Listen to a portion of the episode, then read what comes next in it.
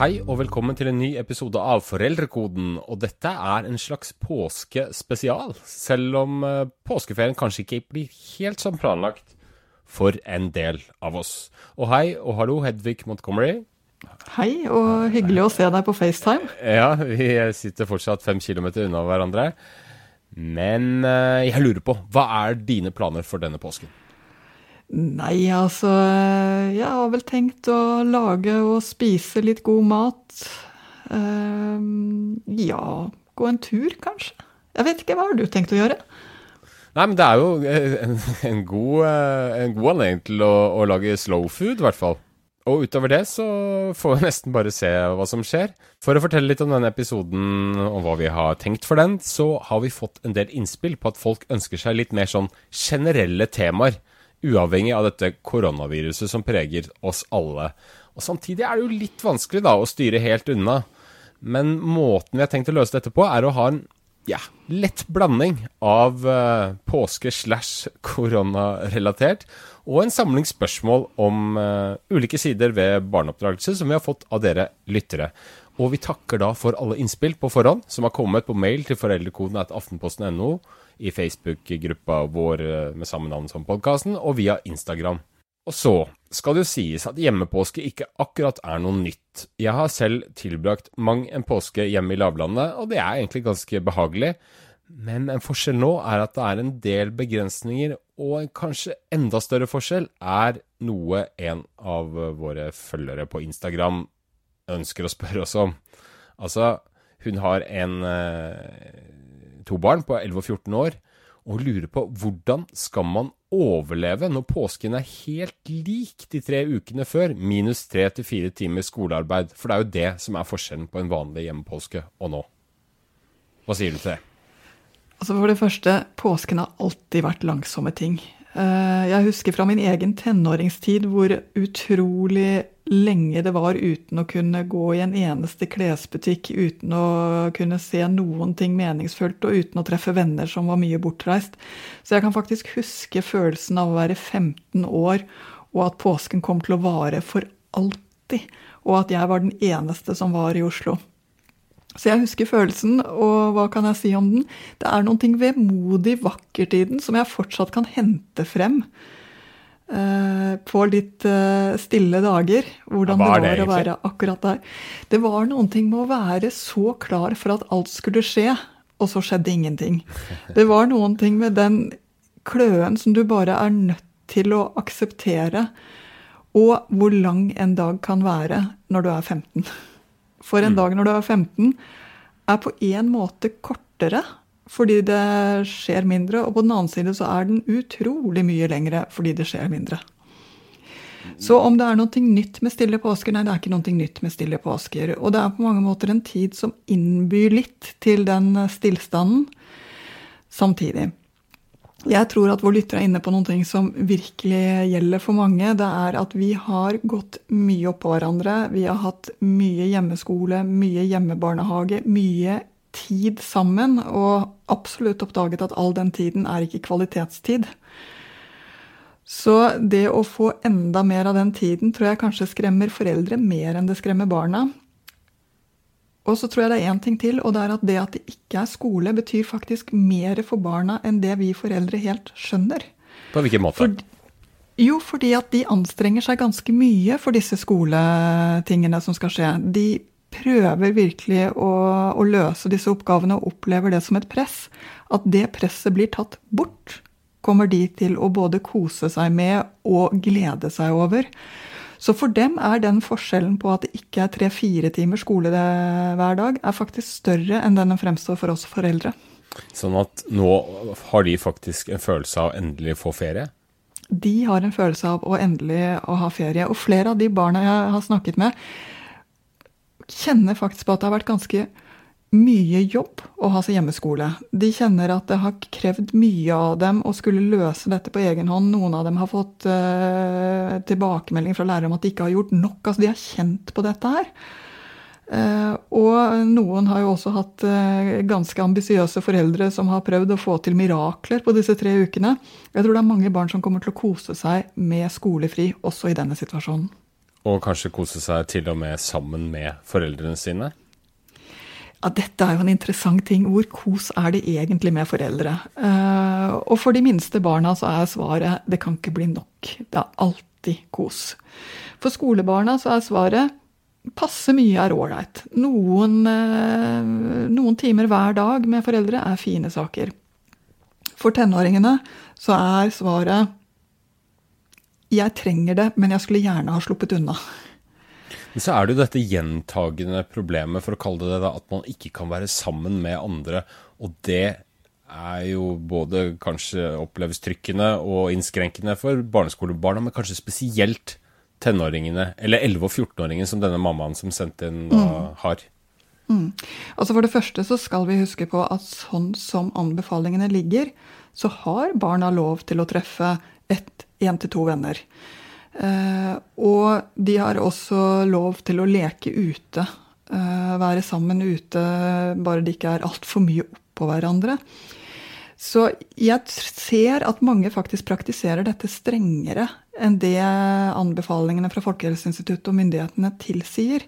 Og jeg tror at for barn at barna skal overleve selv, og for at vi skal overleve med dem, så tror jeg at de anbefalingene som ligger der, er gode. Eh, finnes det en venn eller to, eh, la ungene få lov til å få tid sammen med dem. Og ha en venn eller to selv som voksne også. Men poenget som vi hele tiden skal huske på, det er å ikke lage sirkelen for stor. Du, og andre psykologer også, har jeg hørt, er jo opptatt av dette her med bevare rytmen eh, i denne litt det mange kaller unntakstilstand. Ehm, gjelder det samme for påsken? At man skal liksom eh, ikke gå i pysjen hele dagen selv om det er dårlig vær ute? For påsken så tror jeg det gjelder å finne påskerytmen. Uh, og den kommer nok til å være langsommere enn en hverdagsrytmen. Det tror jeg ikke det er noe særlig tvil om. Uh, så avhengig av hvilken alder du har på barna. For har du barn i barnehagealder så vil du, øh, og opp til og med fjerde klasse, så vil du fort oppdage at har dere vært for lenge inne om morgenen, så blir ikke den lunsjen noe hyggelig. Mm.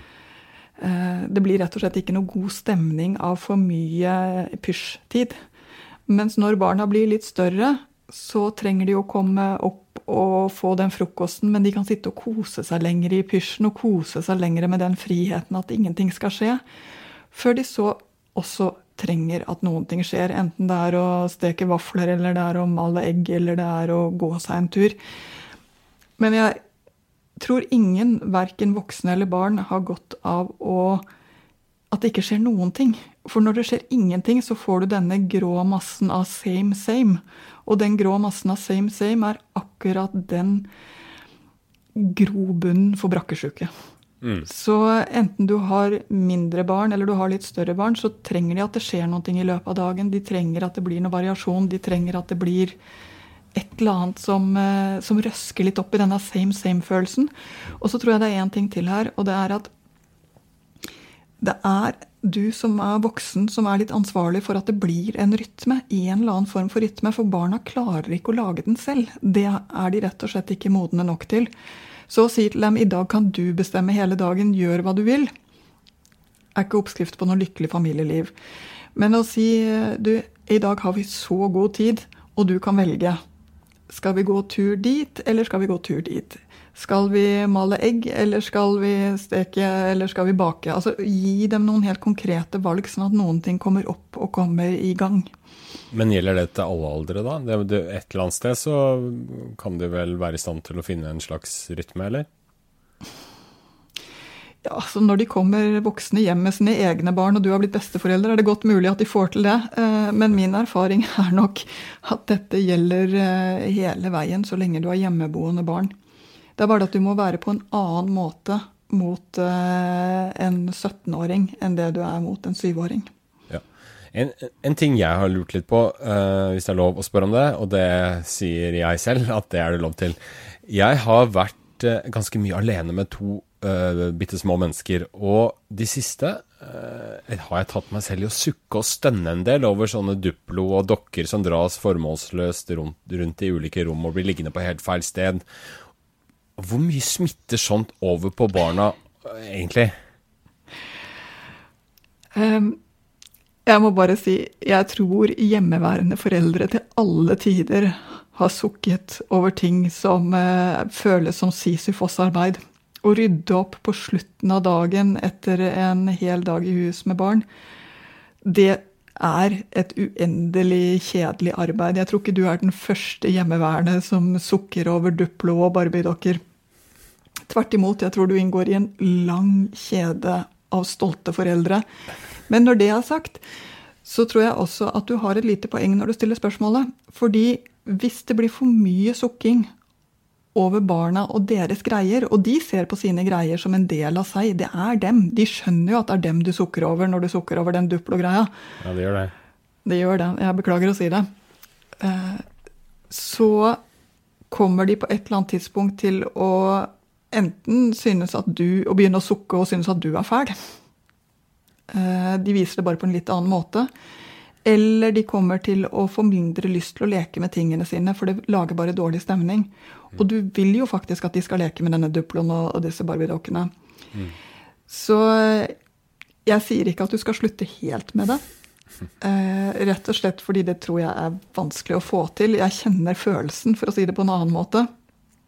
Og jeg kan vel også avsløre at mitt livs første hekseskudd det fikk jeg da jeg samlet sammen Lego for uh, min uh, den gang syv år gamle sønn. I et litt for stresset øyeblikk uh, og med altfor brå bevegelser. Jeg brukte lang tid på å reparere hans forhold til Lego etter det.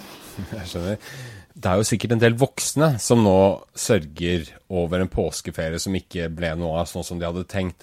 Og da kan man fort bli litt sånn seig, kanskje, i pusten.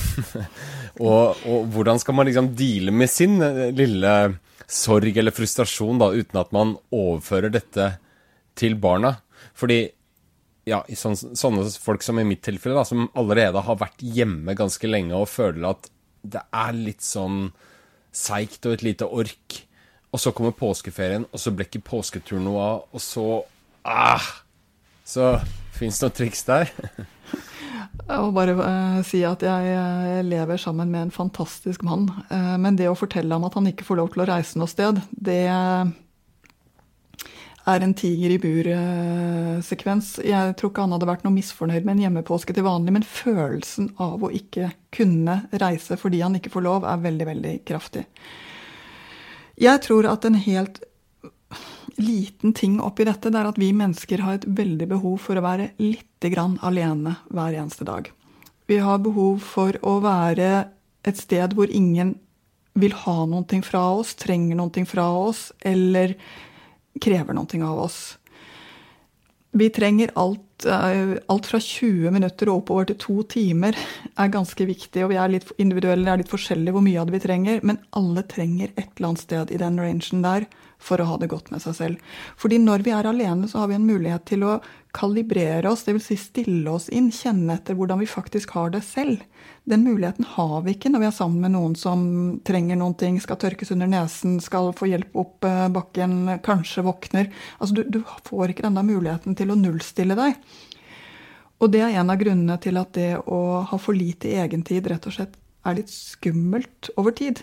Og så, så, du spør meg hva er det for noe jeg trenger nå. At du trenger at kjæresten din sier 'løp deg en tur'. Det er mm. kanskje det du trenger mest av alt. Du trenger at kjæresten din sier 'vet du hva, jeg går ut med ungene, du kan bare være her hjemme, ikke rydd'. Fordi det kan vi gjøre sammen etterpå. Det er det du trenger akkurat nå. Ja, så Det er vel et, uh, en slags uh, påminnelse til uh, de fleste voksne der ute. Da. Så har vi fått et spørsmål fra en lytter som heter Sofia, som lurer på har dere noen tips til hvordan vi kan bruke påsken nå for å knytte oss litt mer sammen? Og litt av bakteppet her er, som hun skriver, at vi har som alle andre hatt et litt høyere konfliktnivå i det siste. Hva vil du svare på det? Uh, jo, uh, en ting som faktisk er lett å glemme når vi nå går inn i denne hjemmepåsken for alle familier, det er at barn er utrolig tradisjonelle, tradisjonsbundne og konservative. Med det mener jeg at barn elsker å gjøre det samme som i fjor. De elsker ritualer, og de elsker å kjenne igjen ting de har gjort før. Så hva hadde jeg rådet eh, til her? Tenk litt igjennom. Hva er det for noe dere har pleid å gjøre i påsken? eh, enten sammen med besteforeldre, eller om dere har vært et annet sted i landet, eller hvor dere har vært for ting. Er det noen ting av de taktslagene som dere kan hente frem nå? Påskelammet, rullingen av marsipan, gudstjenesten dere har pleid å gå i, et eller annet som har vært for dere eggejakten. Det som virkelig trengs nå, er at vi voksne tar tak i de tradisjonene og holder dem opp også på denne måten. Ja, det blir en annen type eggejakt når du er inne i en liten leilighet enn det det kanskje har vært når du har vært på, øh, hos, i huset hos øh, besteforeldre. Men det er fortsatt mulig å lage eggejakt. Eh, det blir noe annet når du ikke kan gå i den gudstjenesten, men kanskje bare kan høre på noe fin musikk sammen litt. Men det betyr noe for barna likevel, når de er vant til den høytiden. Så mitt første råd er finne ut av hva som egentlig har vært påsketradisjonene hos dere. Tenk litt igjennom det, bruk litt tid på det. Og tenk igjennom hvordan kan jeg hente opp dem nå for å få de samlingspunktene. Det andre det er at ja, nå har dere vært tett oppå hverandre, og gi hverandre litt fri. Alt etter hvor gamle barna er. Helt fra barna er sånn ni-ti år, så kommer du til å merke at de også ønsker seg denne alenetiden. At de også ønsker seg denne bitte lille, små, lille boblen av frihet. Muligheten til å gå og kjøpe en sjokolade alene uten å gå sammen med en voksen. Et eller annet som gir dem en følelse av å være selvstendige. Jeg hadde lett etter det, litt avhengig av hvor gamle barna er. Hva kan vi gi hverandre her? Eh, det, det du nevner med eggejakt osv., er jo kanskje ikke like spennende for de som er litt eldre. Og det er en mamma i foreldrekoden-gruppa vår som spør om følgende. Har dere noen tips til aktiviteter med tre tenåringsjenter i huset på 18, 17 og 15 år? Turer i skogen er helt uaktuelt å gjøre med familien. Spille brettspill blir bare med på, på hytteturer. Sitter med hver sin PC, gjør de dagen lang. Så skriver hun videre jeg ønsker å finne på noe med dem, så de opplever et skille mellom hverdag og ferie. Tips tas imot med stor takk, skriver hun. Altså For det første må jeg si her hadde jeg jo senket ambisjonsnivået ja. betydelig. Eh, disse jentene finner det de vil ha på den måten de liker det, sammen med sine jevnaldrende. Og de er attpåtil tre. Husk på hvor mye beskyttelse det ligger i det at de har søsken, og at de ikke er enebarn i denne situasjonen. Det er noe ganske fint i det. Og så spør hun hva kan vi gjøre for noe. Og nå skal jeg si en ganske pussig ting. For du sa eggejakt er kanskje ikke noen ting for denne aldersgruppen. Men vet du hva? Det er det. Oh, ja. En av de tingene som er helt utrolig, som du finner ut når du kommer opp i tenårene, det er at de plutselig kan elske nettopp sånne litt barnslige ting som de har et romantisk forhold til da de selv var små. Dekorere egg, bake påskeboller, finne fine oppskrifter. De kanskje har lyst til å organisere eggejakt for deg istedenfor at du skal organisere for dem. Det kan være. Men ikke tro at de har vokst fra tradisjonene sine. Tradisjonene har de egentlig lyst på. Du må bare finne en måte som gjør at, uh, at de får lov til å leke uten å bli avslørt. Altså, så, så, man liksom allerede i, oppe i, i, tenårene så går man litt sånn på nostalgitripper? Eh, og henter fram det barnlige igjen? Allerede tenåringer går på nostalgitripper og finner frem den der gode følelsen av hvordan det var å være syv. Mm.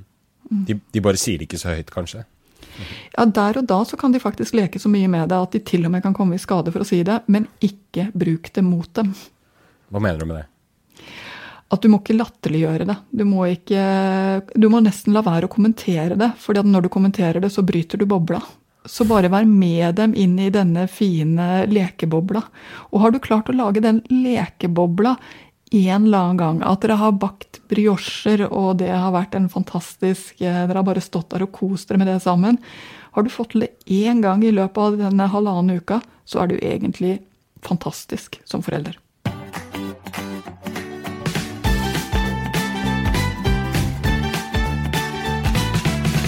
Det vi snakker om nå, er egentlig litt sånn forebyggende ting. Men hva, hva gjør man hvis det liksom etter tre til fire dager av hva blir det, ni kanskje, for en del, eh, merker at dette her, det, det, går ikke. Altså det blir for eh, høyt trykk.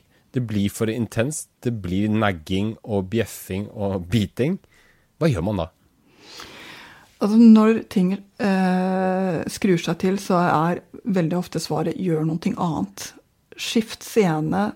Eh, dra ut, dra hjem. Del på dere. Er dere to voksne, så kanskje dere kan ta hvert deres barn, eller dele opp barna på en annen måte. Vær hele tiden forberedt på det som på godt militærspråk heter å omgruppere. For det er nesten den beste løsningen vi har når ting skrur seg for hardt til. Eh, og så tror jeg også at det i forkant å være litt sånn Tenk litt igjennom hvilke aktiviteter Nå har vi ni dager. Hva kan tenkes? Hva kan vi tenkes og synes det er ålreit å gjøre? Finnes det noen filmer vi har lyst til å se? Finnes det noen steder vi kan tenkes å gå? Ikke sånn Nå hadde det vært smart å gå tur, men jeg vet ikke hvor vi skal gå. Ha istedenfor par-tre turforslag på bakhånd. Selv for de minste barna, sånn at du ikke blir stoppende opp og, og kommer sånn i beslutningsvegring for at du ikke har noe du kommer på.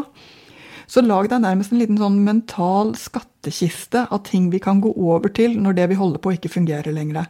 Og der må du bare tilpasse den aldersgruppen barn som du faktisk har. Mm. Og så må jeg si tilbake igjen til det jeg sa, at det å kunne invitere en annen person eller to, det å kunne invitere et barn eller to, det å kunne rett og slett bare få litt andre sosiale konstellasjoner, det gjør en stor forskjell. Så også ha tenkt igjennom hvem kan det være, hvem er det vi har. Ja, det, er, det, er, gode råd. Vi har oppretta en slags påskeaktivitetstråd på, i denne Facebook-gruppa vår. Er du ikke medlem, så får du se om melde deg inn, da, ser du. Og er du medlem, så kan du gå og kikke på den, eh, fordi der har vi bedt folk om å utveksle tips, innspill til ting å gjøre. Noe er kanskje goes without saying. Andre ting er kanskje ting du ikke har tenkt på. Da har vi vel egentlig avslutta den, hva skal man si, påskebolken. Og vi inviterte som sagt lyttere til å komme med mer sånn generelle spørsmål da, om eh, barneoppdragelse til denne episoden. Og da blir det til at jeg eh, siterer en del spørsmål som har kommet inn, og så får Hedvig svare etter beste evne. Og det er en mamma først som lurer på om vi kunne snakke litt om hvordan man som foreldre håndterer at en storesøster på fem år ved flere anledninger, og spesielt i denne perioden når hun har vært så mye hjemme, oppfører seg som en mor nummer to for lillebror på tre år. Når han spør oss om ting, så er det hun som svarer. Og hun vil gjerne hjelpe ham med alt, men han blir bare sint og irritert og er ikke alltid enig med de tingene hun foreslår. Er dette en eh, vanlig problemstilling?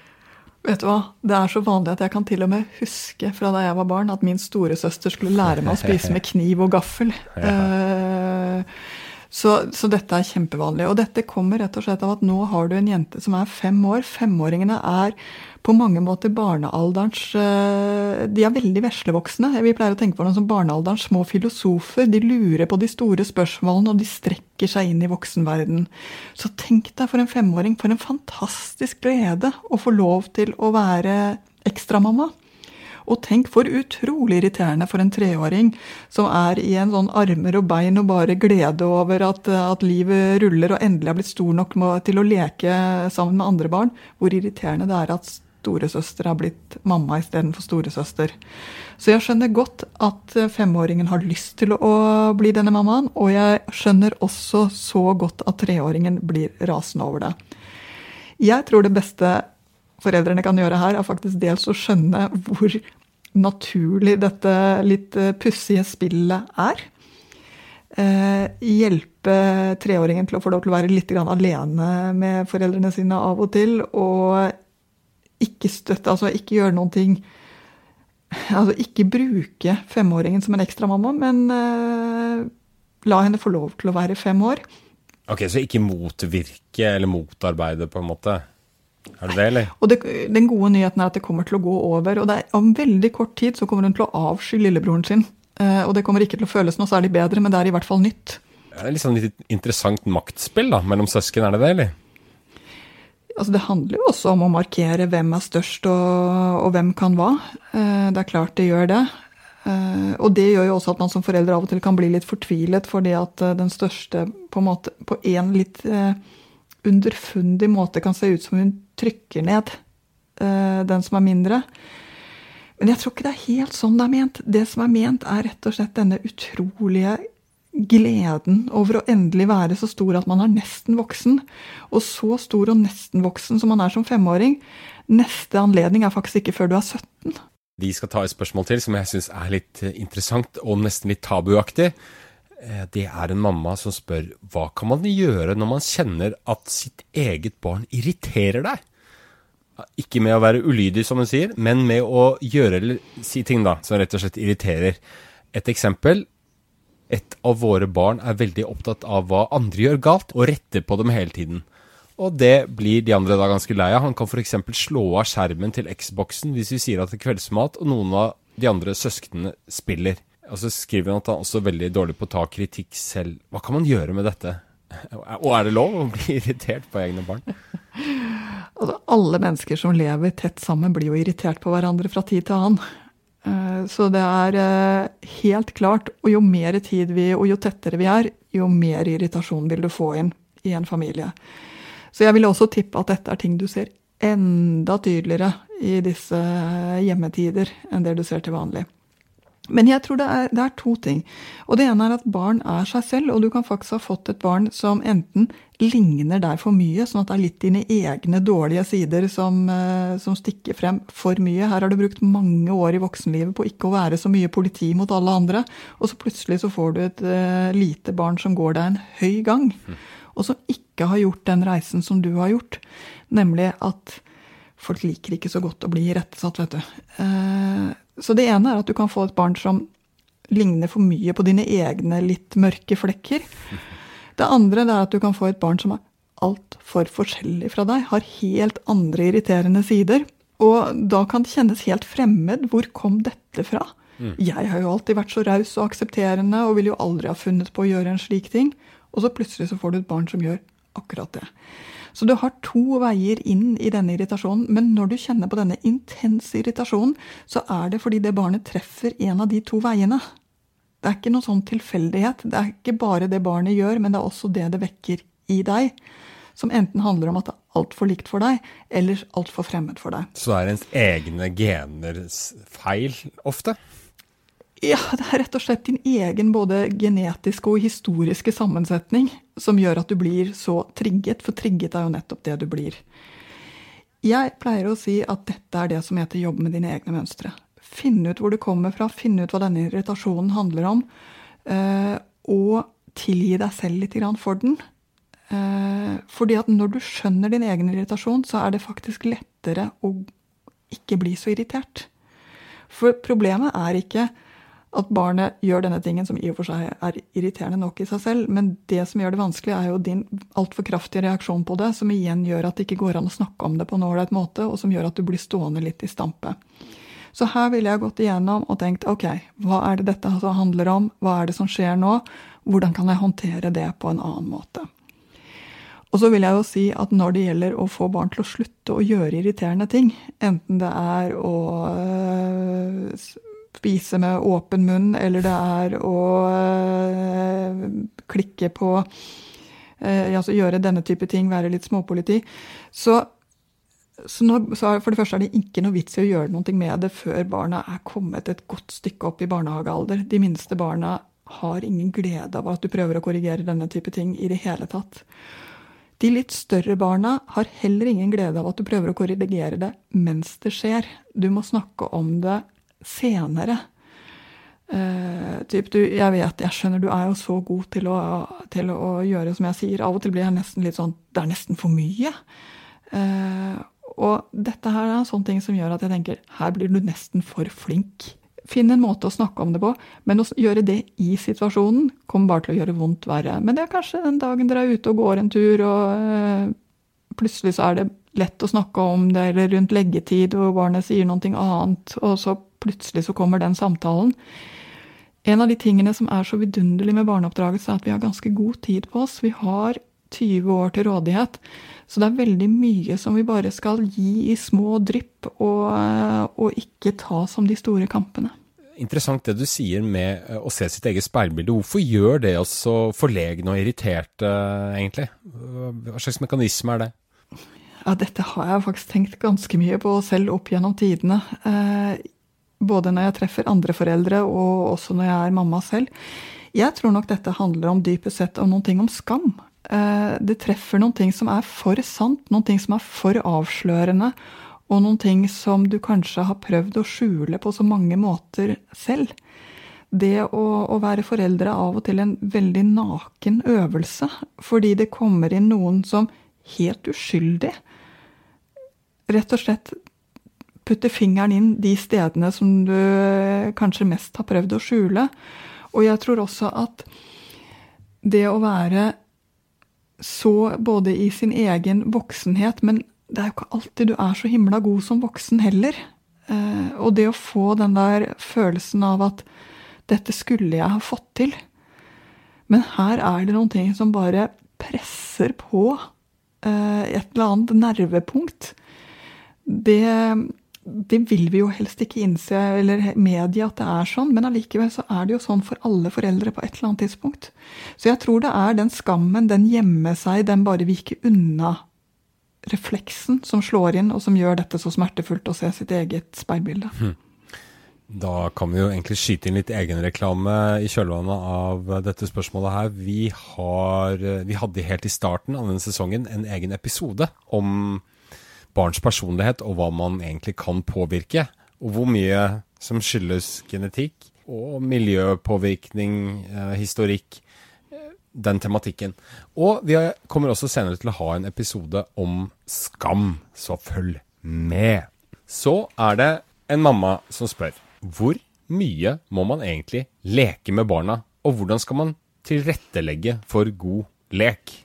Lek er jo barnas naturlige måte å utvikle seg på. Lek er barnas naturlige måte å strekke seg på. Lek er barnas måte å debrife dagen, og, få mening i det de driver med. Så lek er en utrolig viktig del av barnas liv.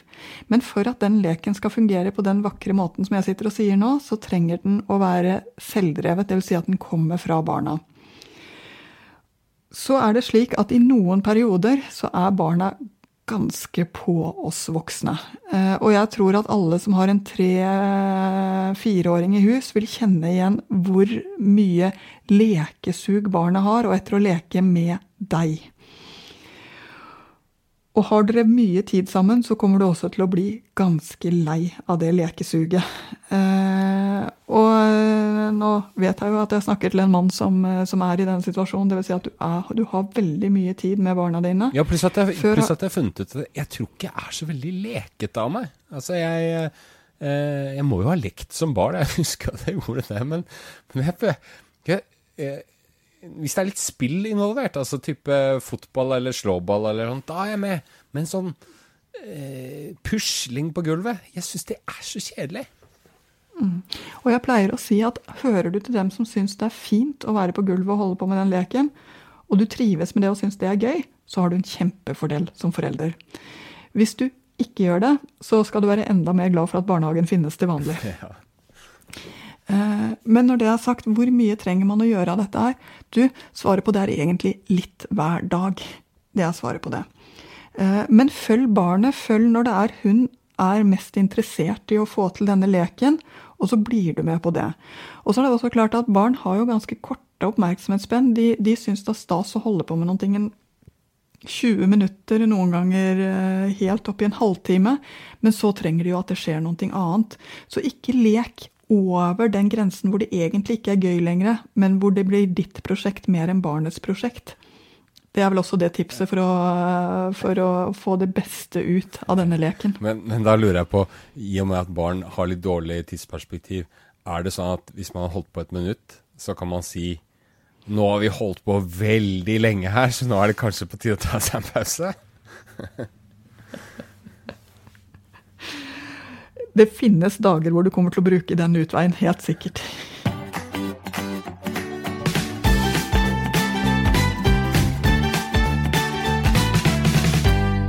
Da har vi rett og slett et pappaspørsmål, som jeg har skrevet med utropstegn her. Eh, fordi at det er mest mammaer som sender inn. Det liker vi veldig godt, men vi liker også veldig godt når pappaer sender inn. Og han har en sønn på tre år som favoriserer og etterspør han hele tiden. Han vil bare sitte på hans, pappaens fang og ved siden av han når han spiser. Han vil bare bli trøstet av han, bli lagt av han, bli kledd på. Og så har det egentlig alltid vært sånn, skriver han. Noen ganger setter vi foten ned, mens ofte gir vi etter for husfredens skyld. Hvordan skal vi som foreldre håndtere at han i så stor grad favoriserer den ene? What's the trick? Jeg må bare si at alle barn har lange perioder hvor den ene forelderen er mye mer populær enn den andre. Og hva som gjør at de velger akkurat den ene forelderen, det er faktisk ikke så godt å si. Eh, om det er noe de kjenner seg igjen i, eller om det er noe de trenger i akkurat denne fasen. Men at spesielt treårsfasen er vanlig å ha slik, det kan jeg også si. Veldig mange treåringer som ikke vil bli lagt av den ene forelderen. Bare mamma eller bare pappa som kan legge. Bare mamma eller bare pappa som kan trøste. Altså det er sånne forskjellige ting. Jeg tror at vi skal være klar over én ting, og det er at det er ganske sårt for den forelderen som ikke får lov til å være med. Eh, det er ganske hardt å bli så valgt bort av sitt eget barn som nesten alle opplever at de blir en eller annen gang i løpet av barndommen.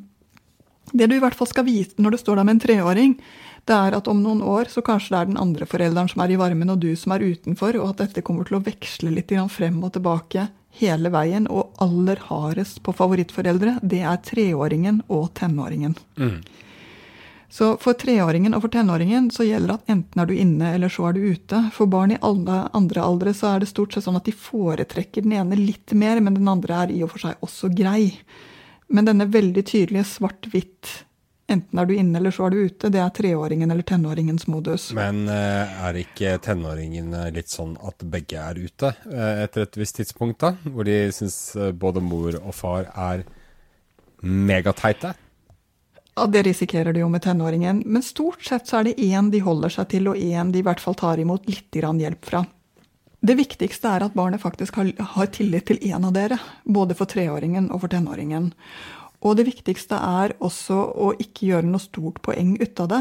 Men spesielt med treåringen, gi barnet litt alenetid med den andre forelderen, sånn at de også får lov til å gjøre ting sammen og får lov til å bli litt kjent. Sånn at ikke den forelderen som er ute i kulda, havner helt i eh, Sibir men eh, er i en eh, ytterrand som gjør det lettere å få den andre forelderen inn igjen om kanskje tre måneder, kanskje fem måneder.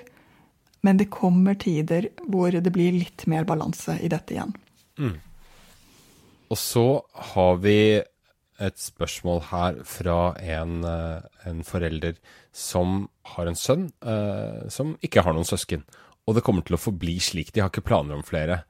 Men så opplever hun at det er en del fordommer knytta til enebarn, og folk maser i et kjør eh, om eh, når hun skal få nummer to osv. Det er gjerne sånn at man har veldig bestemte oppfatninger av at ja, men da kommer han til å bli bortskjemt. Han kommer til å bli elendig til å dele, og venneløs osv.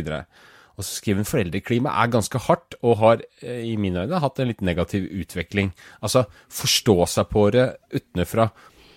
Altså, det er jo helt forbløffende hva folk eh, føler seg fri til å mene noe om i andres liv. Nettopp. Uh, og hvor mange barn, og om man skal ha barn, er vel et slikt personlig spørsmål som andre mennesker egentlig har ganske lite både innsikt i og forståelse for, og heller ikke bør uh, ha så sterke meninger om, tenker jeg.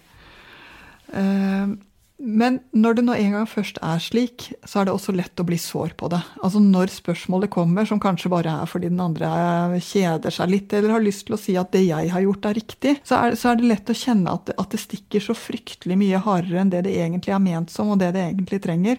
Så jeg tror for det første nei. Flere barn trenger du ikke. Forskjellen på å ha, å ha ett barn og ha ingen barn, den er helt enorm. Uh, og om det går bra med enebarn? Ja, selvfølgelig. Herligheten er det noen barn som får både eh, oppmerksomhet og muligheter, så er det jo ofte enebarna. Så det er ingen grunn til å tenke at det blir noe dårligere, verken for barnet eller for dere. Men det må kanskje være litt mer eh, Passe på at du selv da virkelig nyter den leken som barnet bringer med seg inn i huset. Uh, Men jeg tror at det er litt sånn som Og jeg har vært i den situasjonen selv at jeg har ønsket meg barn og så ikke blitt gravid, og hvor hvert spørsmål om skal ikke dere snart uh, få barn, da har stukket som ti kniver i hjertet, og til slutt så måtte jeg bare helt aktivt tenke de forstår ikke bedre, de har bare lyst til at jeg skal bli som dem. Det har ingenting med meg å gjøre. Du må litt aktivt stenge ute de spørsmålene og bare svare litt sånn uh, halve lukket. Eh, typ vi får nå bare se, eller det mm.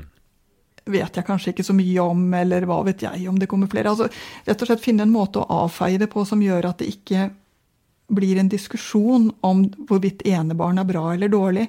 For den diskusjonen den er ikke spesielt interessant å ta med folk som allerede har gjort opp meningen. Men er det noe hold i disse mytene som er nevnte? Altså bortskjemthet, eh, dårlig på å dele, eh, venneløs fordi han ikke forstår sosiale koder med andre barn.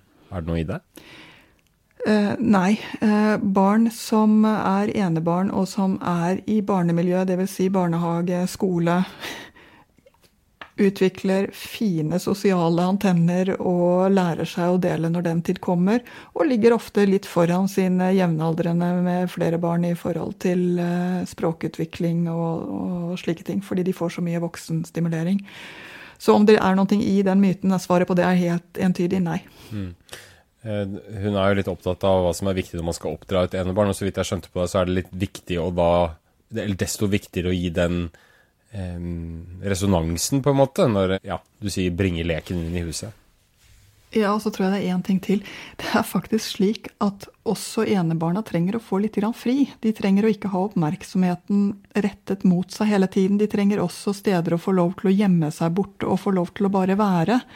Det kan av og til bli slik når du har et barn, at du eh, hører for mye på det barnet har å si. Er, eh, lar barnet styre hele samtalen rundt bordet ved hver eneste middag og hver eneste meny som settes opp la, husk på at dere er, eh, hvis dere er to, så eh, er dere to. Du skal også ha litt å si. Og er dere tre, så er dere også tre som skal ha noe å si.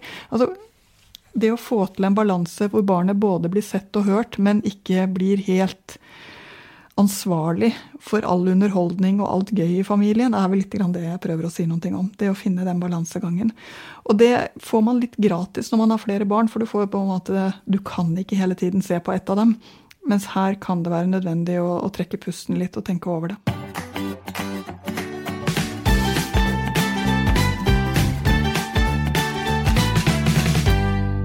Ja, Hedvig Montgomery, vi har snakka om uh, tips og triks for påsken i dag, og også besvart en del spørsmål. Hvis du skal komme med et sånt påskebudskap ut til lyttere, hva vil det romme for deg? Ja, vet du hva? Kos dere. Ta vare på noen små påsketradisjoner som dere helt sikkert har i familien, kanskje uten å tenke så mye over det.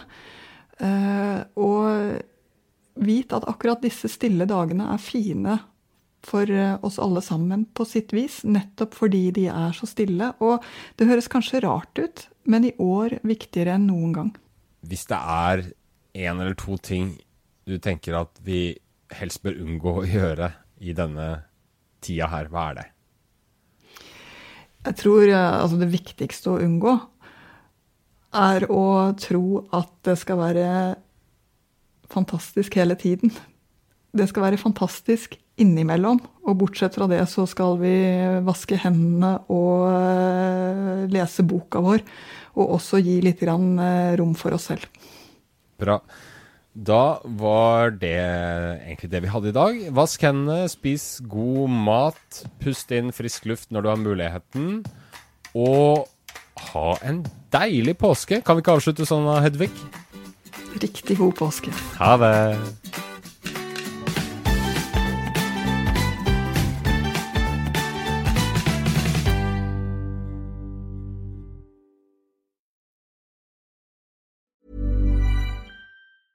Every year, one thing is always predictable postage costs go up. Stamps.com gives you crazy discounts of up to 89% off USPS and UPS services, so your business will barely notice the change. Stamps.com has been indispensable for over 1 million businesses just like yours. It's like your own personal post office. No lines, no traffic, no waiting. Sign up with promo code PROGRAM for a four week trial plus free postage and a free digital scale. No long term commitments or contracts. That's Stamps.com code PROGRAM.